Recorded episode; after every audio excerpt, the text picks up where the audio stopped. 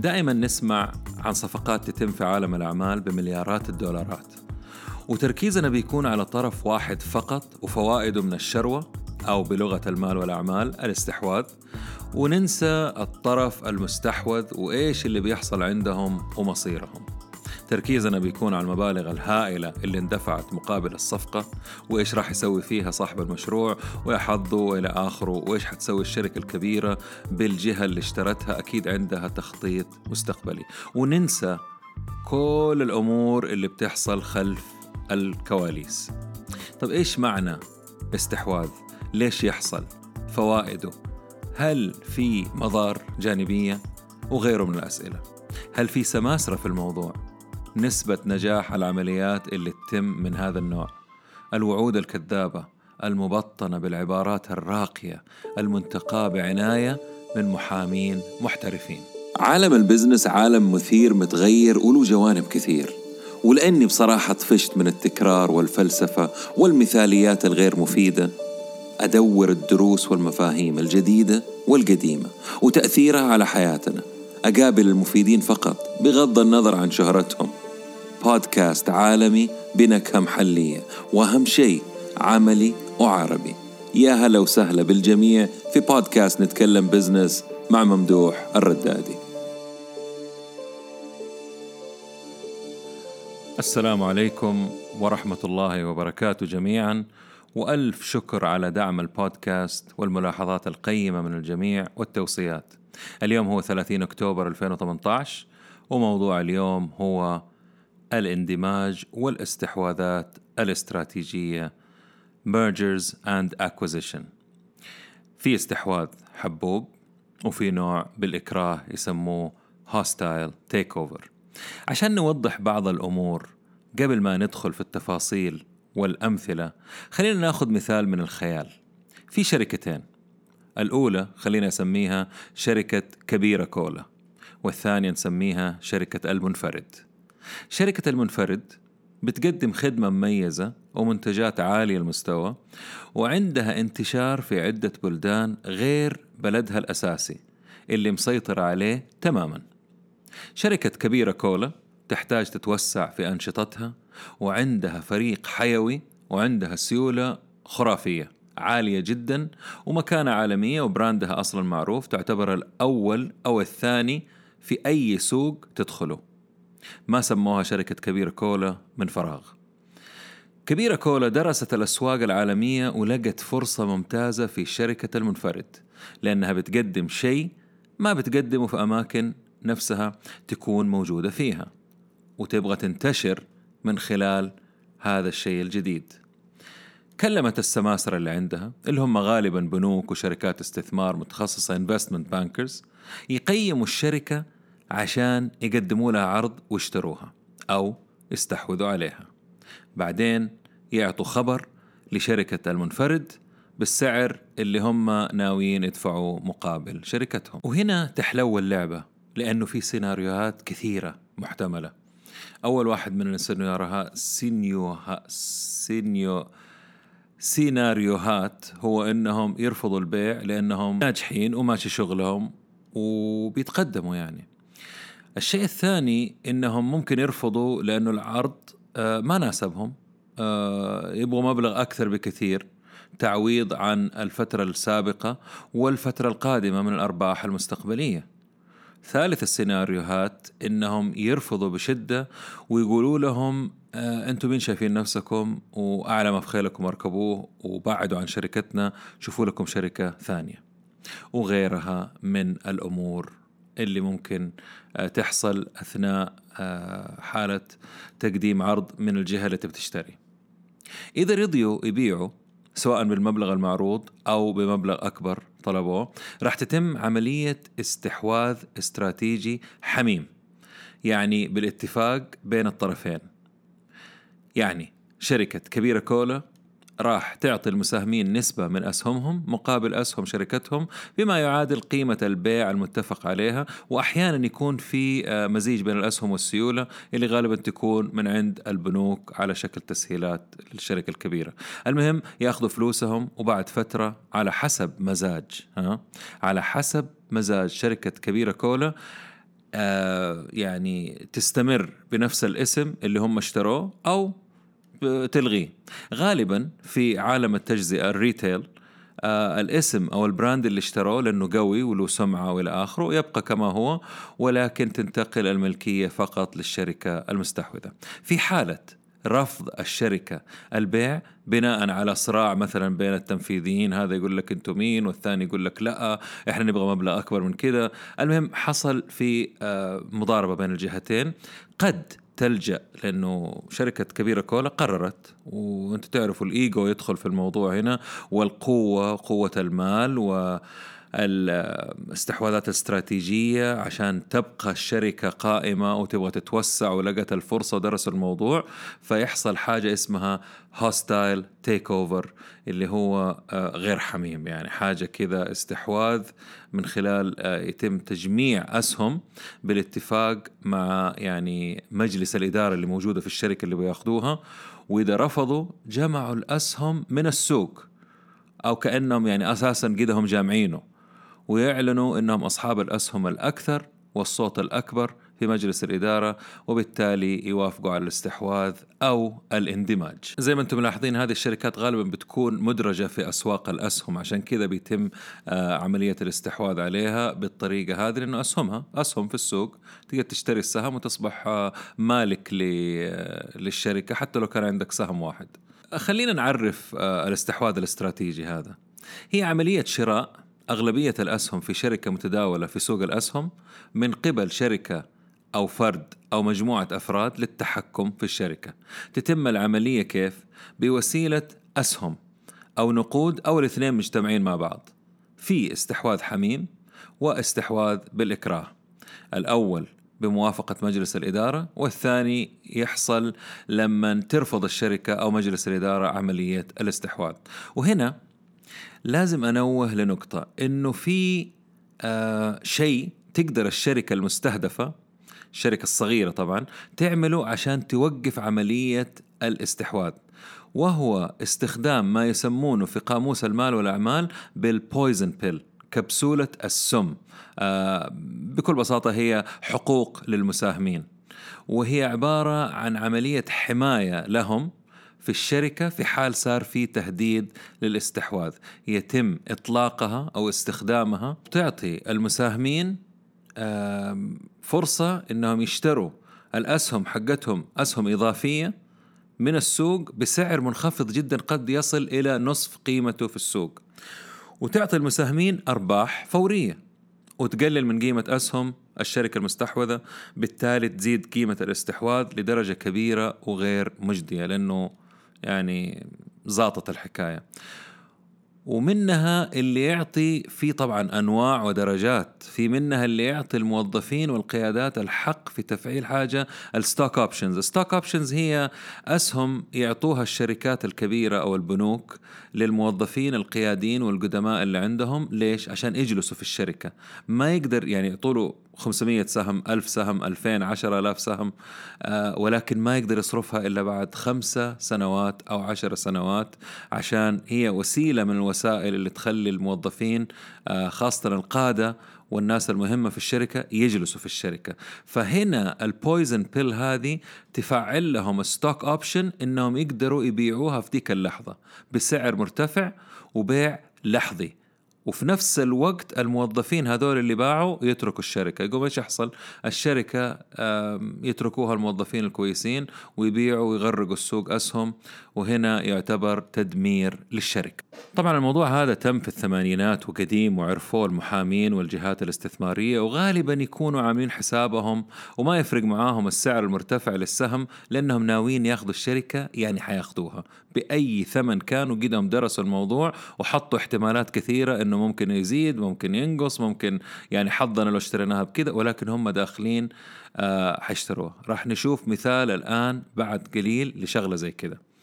تعريف الاندماج الشيء الثاني الاندماج هو بكل بساطة توحيد جهتين غالبا يشتغلوا في نفس المجال. يعني مثلا بنك مع بنك آه، شركة في ال retail مع شركة في ال retail شركة توزيع مع توزيع بريد مع بريد إلى آخره طيران مع طيران أحيانا يكون آه، مجال مختلف بس قريب يعني داعم للعمليات وفي نفس الوقت آه، يعطيهم انتشار أفضل ويقدم المزيد من الخدمات للمنتجات والعملاء. وفي نقطة هنا مرة مهمة وهي إنه العمليات حقة الاندماج غالبا أكثر حاجة آه، مجزية فيها هي عملية تخفيض التكاليف ومقاومة المنافسة المحلية والعالمية اللي جاية. زي عندنا في 2030 شركات كثيرة في الفترة هذه راح تجي من الخارج فالشركات المحلية بتستعد وبتقوى وبتقوي آه، مكانتها في السوق لأنه أصبح حجمهم أكبر هنا بالاندماج وأصول أكثر وغيرها من الأمور. في نوعين من الاندماج. اندماج أفقي واندماج عمودي. إيش هو الأفقي؟ الأفقي يعني الاثنين بيعملوا في نفس القطاع. العمودي إنه يعملوا في نفس القطاع ولكن يكملوا بعض زي شركة زيت لما تشتري ناقلات بترول. خلينا ناخذ معلومات عامة عن الاستحواذات والاندماجات. هي غالبا تحصل لما شركة تبغى تتوسع في مواقع جديدة أو أسواق جديدة أو بتبحث عن قاعدة عملاء كبيرة ما هي عندها زي في عالم التطبيقات مثلا استحواذ أو شراء فيسبوك لواتساب اللي ما بتسوي أي أرباح ولكن شوفوا قاعدة عملائها كم عددهم في العالم اللي بيستخدموا واتساب فاخترقت فيسبوك القاعدة هذه وأصبحت عندها قاعدة البيانات هذه. الشيء الثاني احتمال يكون في شيء عند الشركة يحتاجوه في المستقبل زي شركة أبل لما كانت تستحوذ على شركات صغيرة شاشات قزاز إلى آخره اكتشفنا بعدين إنه تحتاجها في أجهزة الجوال. آه، غالبا الشركة الصغيرة حجما تزيد قيمة أسهمها عند إعلان خبر الاستحواذ وتقل قيمة سهم المشتري لأمور واضحة لأنه على سبيل المثال صرفوا مبلغ مرة كبير. يعني الشركة الكبيرة اشترت شركة صغيرة الشركة الكبيرة في سوق الأسهم تقل قيمة السهم حقها في ذيك اللحظة والشركة الصغيرة تزيد لأنه آه، ربحية للمساهمين. آه غالبا يكون في إدارة قوية ومغامرة جدا عندها قوة تنفيذية كبيرة عند الشركة اللي تبغى تستحوذ وتشتري. آه وراح يتحملوا على فكرة كامل المسؤولية لقراراتهم. 80% من عمليات الاستحواذ والإندماج فاشلة عالميا السبب إنه صار في ثورة في الثمانينات والتسعينات حتى الألفين آه إيجو حق السي أوز إنهم هم بيستحوذوا وبيستعرضوا عضلاتهم وبيشتروا أشياء وما بتفيدهم في الأخير وبتفشل الشركة أو بتخسر خسائر كثيرة. لكن العشرين في المية اللي تنجح نجاحها بيكون مذهل. راح يكون في ضحايا كثير غالبا في الطرف المستحوذ مهما قالوا القادة اللي موجودين ولطفوا الجو. راح يحصل توفير لأنه كل ما كانت الشركة أكبر تتفعل عملية ال economies of scale يعني يقدروا مشترياتهم ترخص لأنها شركة كبيرة وبيشتروا بكميات كبيرة. ويفرضوا نفسهم لما تجيكم شركة كبيرة تبغى تشتري من عندكم آه غالبا حتعملوا لهم عروض خاصة.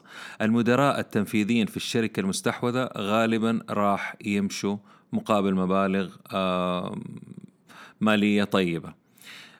توفير في عملية خفض الموظفين سواء بالإكراه أو بالإكراه. وصول أسواق جديدة ومختلفة وتسويق أفضل موحد للجهة الجديدة. خلصنا شرح خلينا ندخل في الأمثلة اللي قلت لكم حتكلم عنها. نتكلم على المثال العالمي أول وبعدين نتكلم على المثال المحلي.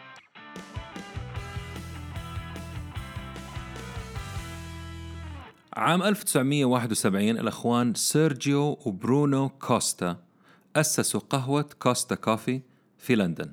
وصلوا عدد فروعهم في بريطانيا ل 39 فرع وجاهم عرض استحواذ من شركة اسمها وايت بريد حقت استثمارات بمبلغ 25 مليون دولار أو 19 مليون جنيه عام 1995 ميلادي. ووافقوا على البيع. طبعا ناس كثير قالوا أنتم وافقتوا على البيع مرة بدري الشركة حقتكم تسوى كثير ولكن يعني هم من عام 71 ل 95 جاهم 25 مليون دولار. كل واحد له أسبابه في البيع.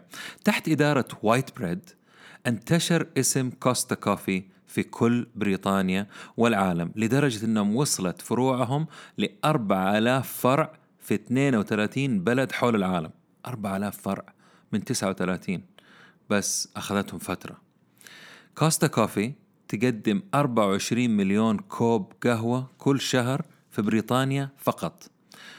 وهي القهوة المفضلة في بريطانيا والدليل إنه في ضعف المحلات حقت ستاربكس كوستا كوفي عندها ضعف المحلات حقت ستاربكس وعنده أربع أضعاف قهوة كافيه نيرو برضو قهوة تانية مشهورة في لندن. أرباح كوستا كوفي في عام 2017 كانت مليار و700 مليون دولار. سوق القهوة في بريطانيا ينمو بمقدار 6% سنويا. تقدر قيمة هذا السوق ما بين الثمانين والمية مليار دولار سنوية في بريطانيا. محلات القهوة في عام 2007 كانت 2007 كانت 10000 محل في بريطانيا. وصلت اليوم ل 24 ألف محل. الآن خلينا نشوف ليش كوكا كولا اشترت أو استحوذت على كوستا بمبلغ 3.9 مليار جنيه استرليني تقريبا 5 مليار دولار أمريكي. سوق القهوة العالمي يقدر ب 165 مليار دولار سنويا. كوك بتحاول تستمر في مكانة قيادية في العالم وعارفة وهذا ذكاء شركة كوكا كولا على فكرة عارفة إنه في عزوف عن المشروبات الغازية بسبب السكر والحمية والصحة في العالم وبالذات بين فئة الشباب اللي هي شريحتها المستهدفة. بدأت من فترة كده طويلة بالتوسع وتنويع المنتجات عندها زي المياه الصحية والأشياء الرياضية وإلى آخره ولكن ما عندهم قهوة في ال portfolio حقهم وعشان كذا تعتبر شروة أو استحواذ. كوستا مثالية لدخول سوق جديد وانتشار مرة سريع من خلال منافذها ونقاط توزيعها العديدة المشهورة وقوة ال brand حق كوكاكولا وكوستا في نفس الوقت. بمجرد ما يوقعوا العقد راح يكونوا موجودين في 32 بلد و4000 محل مو بس كذا في 8000 ماكينة قهوة خدمة ذاتية. 2400 من المحلات هذه داخل بريطانيا. طبعا آه لازم تعرف إنه بسبب الضرائب بريطانيا عندها نظام صارم مرة على السكريات وإلى آخره. آه نزلت المبيعات في 2018 بمقدار 11% حقت المشروبات الغازية والسكرية. عشان نقارن بس نبغى نعرف مبيعات كوك في 2017 كم كانت؟ كانت 35.4 مليار دولار. كوستا كوفي كانت زي ما قلت لكم مليار و700 مليون دولار. ستاربكس كانت 22.3 مليار دولار. مرة قريبة من رقم كوك بالمليارات. آه قريب بسبب الاستحواذ هذا وبسبب قوة ال brand حق كوك وانتشارهم وتوزيعهم ونقاط التوزيع حقتهم راح نشوف كوستا كوفي في أوتيلات مكاين كولا مطاعم بارات مقاهي محلات night clubs إلى آخره ال ال ما أدري إذا في night clubs فيها قهوة المهم. لو نطالع على الساحة التنافسية العالمية راح نلقى إنه شركة نسلي صاحبة مكاين نسبريسو وكبسولاتها المشهورة المشهورة دي اللي نعرفها اللي كلنا عندنا المكاين حقتها أبرمت صفقة مع ستاربكس بمبلغ 7 مليار دولار عشان تبيع قهوتهم من خلال كبسولات نسبريسو الناس اللي عندهم مكاين نسبريسو يروحوا على ستاربكس الآن موجودة حتى في السعودية أظن عالميا من زمان موجودة وياخذوا الكبسولات حقت ستاربكس ويحطوها في الماكينة فتشرب قهوة ستاربكس عندك. الصفقة هذه كانت 7 مليار آه، دولار. الاستحواذ من وجهة نظر سوق الاستثمار ونظرتي البسيطة صفقة رائعة وذكية وناجحة بجميع المقاييس حتى لو دفعوا مبلغ ضخم لشراء كوستا اللي هو الخمسة المليار. بالنسبة لشركة وايت بريد الاستثمارية اللي هم يعتبروا investment firm أو venture capital استمروا على الشركة هذولا كانت صفقة العمر بالنسبة لهم. لأننا يعني لو قلنا إنهم اشتروا كوستا من أصحابها ب 25 مليون دولار وصرفوا عليها 75 يا عمي 200 مليون دولار للتوسعة عبر السنين يعني بنتكلم على تكلفة 100 أو 200 مليون دولار أكثر بقليل أقل بقليل. باعتها بخمسة مليار يا جماعة الخير خمسة مليار 5 بليون دولار حتى لو كانوا صارفين مليار. وكنت غلطان في أرقامي ربحهم أربعة مليار دولار. تعتبر ضربة معلم. النوع الثاني من العمليات المشابهة هو عملية الدمج ال merge بين شركتين في نفس المجال في نفس السوق وقد يكونوا منافسين حتى لبعضهم. هذا زي ما قلت اللي هو الدمج الأفقي العمودي اللي يكون في قطاع مختلفة يكملوا بعض. الدمج اللي راح أتكلم عليه هنا في السعودية زي ما أنتم أكثركم عارفين آه، دمج البنك البريطاني مع البنك الهولندي أو البنك الأول. ما أعتقد صار عندنا دمج بنوك من 20 سنة.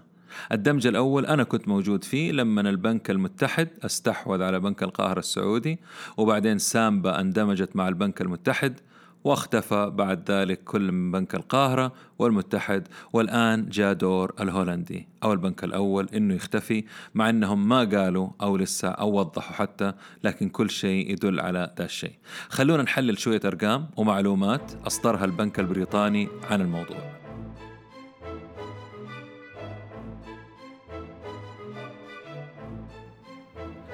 فكرة بسيطة عن البنك الهولندي أو الأول إنه غيروا اسمه عام 2016 إلى الأول مع أنه شريكهم الهولندي تاركهم له عشر سنوات أو أكثر. صرفوا مبالغ هائلة في عملية ال rebranding عشان تغيروا يغيروا الاسم حقهم للأول. متخيلين؟ فروع شيكات بطاقات ديكور مواقع آه، كل شيء كان لازم يتغير. غير الدعاية والتسويق. يا ترى كم كانت الخسارة؟ وهم عندهم تلميح عن اندماج. هل كانت آخر صيحة أو محاولة للبقاء؟ ترتيبهم العاشر في الموجودات وودائع العملاء. البريطاني ترتيبه الثالث حسب الأرقام. البنك الأول عنده 69 فرع البريطاني 76 الأول عنده 60 اي تي ام 609 اي تي ام سوري والبريطاني عنده 930 ATM الأول عنده 1700 موظف والبريطاني عنده 3100 موظف. لما يندمجوا بعد عملية الإندماج راح تكون الأرقام كالتالي. الموجودات اللي عندهم راح تصبح 268 مليار ريال القروض 172 مليار الإيداعات 200 مليار عد الفروع 143 الصرافات حقتهم 1539 وعدد الموظفين 4800 موظف. رئيسة مجلس البنك الجديد هي سيدة الأعمال المعروفة لبنى العليان. المدير التنفيذي هو نفس المدير التنفيذي للبنك البريطاني السيد ديفيد ديو. وإنهاء خدمات أعتقد مدير الهولندي التنفيذي. المجلس يتكون من 11 عضو سبعة من البريطاني وأربعة من البنك الأول. الملاك هم 29 تقريبا في المية ل HSBC مجموعة العليان 18.2% نات ويست الاسكتلندي أظن 10.8% جوسي التأمينات الاجتماعية 9 أو 10% الصفقة ترى على فكرة عبارة عن تبادل أسهم من قبل الملاك يعني البريطاني راح يعطي آه تقريبا نص سهم مقابل سهم هولندي للملاك. الأمور التقنية والدعم راح يكون من قبل HSBC حتى عام 2027 في كاتب اسمه جوردن بلات في مجلة Global Finance يقول إن عملية استحواذ بحتة من البنك البريطاني بخمسة مليار دولار مقابل أسهم في مع إضافة 28% علاوة فوق سعر السوق. يصبح البنك الجديد اللي هو بين قوسين البريطاني ثالث أكبر بنك في السعودية بموجودات تقدر ب 77 مليار دولار. خلينا نحلل. قبل ما أتكلم عن الأمور الإيجابية للاندماج أو الاستحواذ الحميم راح أحاول أوضح الخسائر الغير معلنة أو المغلفة من خلال الصفقة. أول شيء راح يتأثر في البنك المستحوذ هو بالطبع الموظفين في جميع المراتب تقريبا. البنك البريطاني بيذكر في مذكرة الاندماج أنه لن يتم تسريح الموظفين غصبا عنهم بما معناه أول شيء آه، ما في شيء يتم في هذا الزمن غصبا عن أحد. فما بالك موظف بنك؟ ولكن هناك ألف طريقة وطريقة تستخدمها البنوك في التخلص من الموظفين منها وضع مدير من البنك الجديد فوق المدير الثاني وسلبه صلاحياته. طلبوا آه، طلب البنك الجديد إنه الموظف إنه ينتقل لمنطقة ثانية في المملكة لحاجتهم له هناك. نقله لقسم آخر ليتولى مسؤولية غالبا تحصيل أو تفتيش أو أرشيف. وضعه تحت إدارة مدير مفتري. كل هذه طرق حبوبة طبعا. أحيانا يتم التلميح للموظف أو الموظفين ابتداء بالقيادات. إنها فرصة طيبة تأخذ راتب سنة أو آه، بإعفائك من ديون المنزل اللي أنت مشتريه على حساب البنك مقابل استق طبعا بس للقيادات الكبرى آه، قبل ما يفوت عليك الوقت. احتمال تكون راتب سنة ستة شهور ثلاثة أشهر مع إعفاءات متنوعة بعد كذا. ولا شيء آه، يعني مجرد تطفيش الموظف حتى يستقيل أو يهمش تماما حتى تقاعده بعيدا عن الأعين. يعني في موظفين أنا أعرفهم في البنوك رفضوا الاستقالة رفضوا التعويضات رفضوا أي طريقة مشاكلهم مع مكتب العمل ولكن جالس بياخذ راتبه يجلس إلين التقاعد وقربت التقاعد لهم. فخلاص أنهى حياته يعني. جهة ما تبغاك تجلس ليش؟ ما أدري. عموما كم تتوقعوا راح يدفع البنك البريطاني في المية من موظفي البنك الأول على أقل تقدير عندي ثمانين في المية حيمشوا لأنه في ويقول لك أربعة آلاف وثمانمية موظف آه، هل كل الفروع حتستمر؟ هل كل الإدارات نفس الموظفين؟ يعني تصور أنا عندي محاسب في القسم ده أقوم أحط له محاسب، آه، تيلر أحط له أربع تيلرات موجودين في فرع أقوم أحط لهم أربع تيلر جنبهم يصيروا ثمانية في الفرع، آه، مدير فرع ومدير فرع، واحد فيهم لازم يمشي، مين اللي تتوقعوا حيمشي؟ حق البنك الجديد ولا البنك القديم؟ أو البنك المستحوذ. أسئلة نسألها نفسنا ما حقول لا تقولوا ممدوح قال عموما. آه، كم حيخسروا تتوقع؟ مليون عشرة ملايين خمسين مليون مية مليون؟ في خسارة يعني جامدة. الخسارة الثانية هي العملاء اللي يتكلموا عنهم. صار عندنا مثلا عدد قد كذا عملاء. مين قال إنه عميل الهولندي أو الأول يبغى يكون مع البريطاني؟ مية في المية. لا ننسى إنه البنوك آه يعني قد ما يتكلموا عن خدمة العملاء لكن حقيقة الأمر هي علاقة شخصية بشخص في البنك وليس البنك نفسه خاصة الحسابات اللي فوق المية ألف ريال. الشيء الثاني هو أن الهدف الرئيسي من أي اندماج مش بس هذا هو التوفير ومسألة economies of scale. مو معقول أنه تقدر تعمل العمل بعشرة أشخاص تقوم تخليهم عشرين. يعني أي منطق هذا غير منطقي. ولا بد من التخلص من الوظائف أو الأدوار المكررة في البنك الجديد. عشان كذا ما ينفع يكون عندك في فرع واحد مديرين للفرع زي ما قلت أو عدة ناس بيقوموا بنفس العمل. المنطق يقول إنه لازم تخفض عدد الموظفين وتزيد الجودة وتقلص التكاليف والمصاريف وتزيد الأرباح. مجلس الإدارة يبغى كذا، هذا بنك فلوس، يعني نبغى أرباح. مجلس الإدارة يبغى أرباح. الاندماج هذا ما صار عشان يعني يبغوا فلوس يبغوا ينافسوا. هاشتاج بس بقول. الفروع والموظفين الممتازين المميزين المعروفين المجتهدين راح يعني يبقوا. أي شيء دون هذا المستوى اللي قلته راح يختفي. لو مو اليوم بكرة. هاشتاج من تجربة. أنا اشتغلت على فكرة في عملية دمج آه، السامبا مع المتحد للأسف راح يحصل نزيف في الموظفين العملاء الأرباح القيادات وباقي الأمور. لا ننسى الخسارة حقة البنك الهولندي لما عمل rebranding هذه قهرتني على فكرة إلى الآن يعني ماني داري ليش عملوا العملية دي. الأشياء الجيدة من الاندماج هذا القضاء على الأداء السيء لفترة القضاء على الشللية داخل البنك. البنكين actually قوة مصرف جديد والفرص القادمة. خلق فرص وظيفية جديدة في البنك الجديد لملء الفراغات.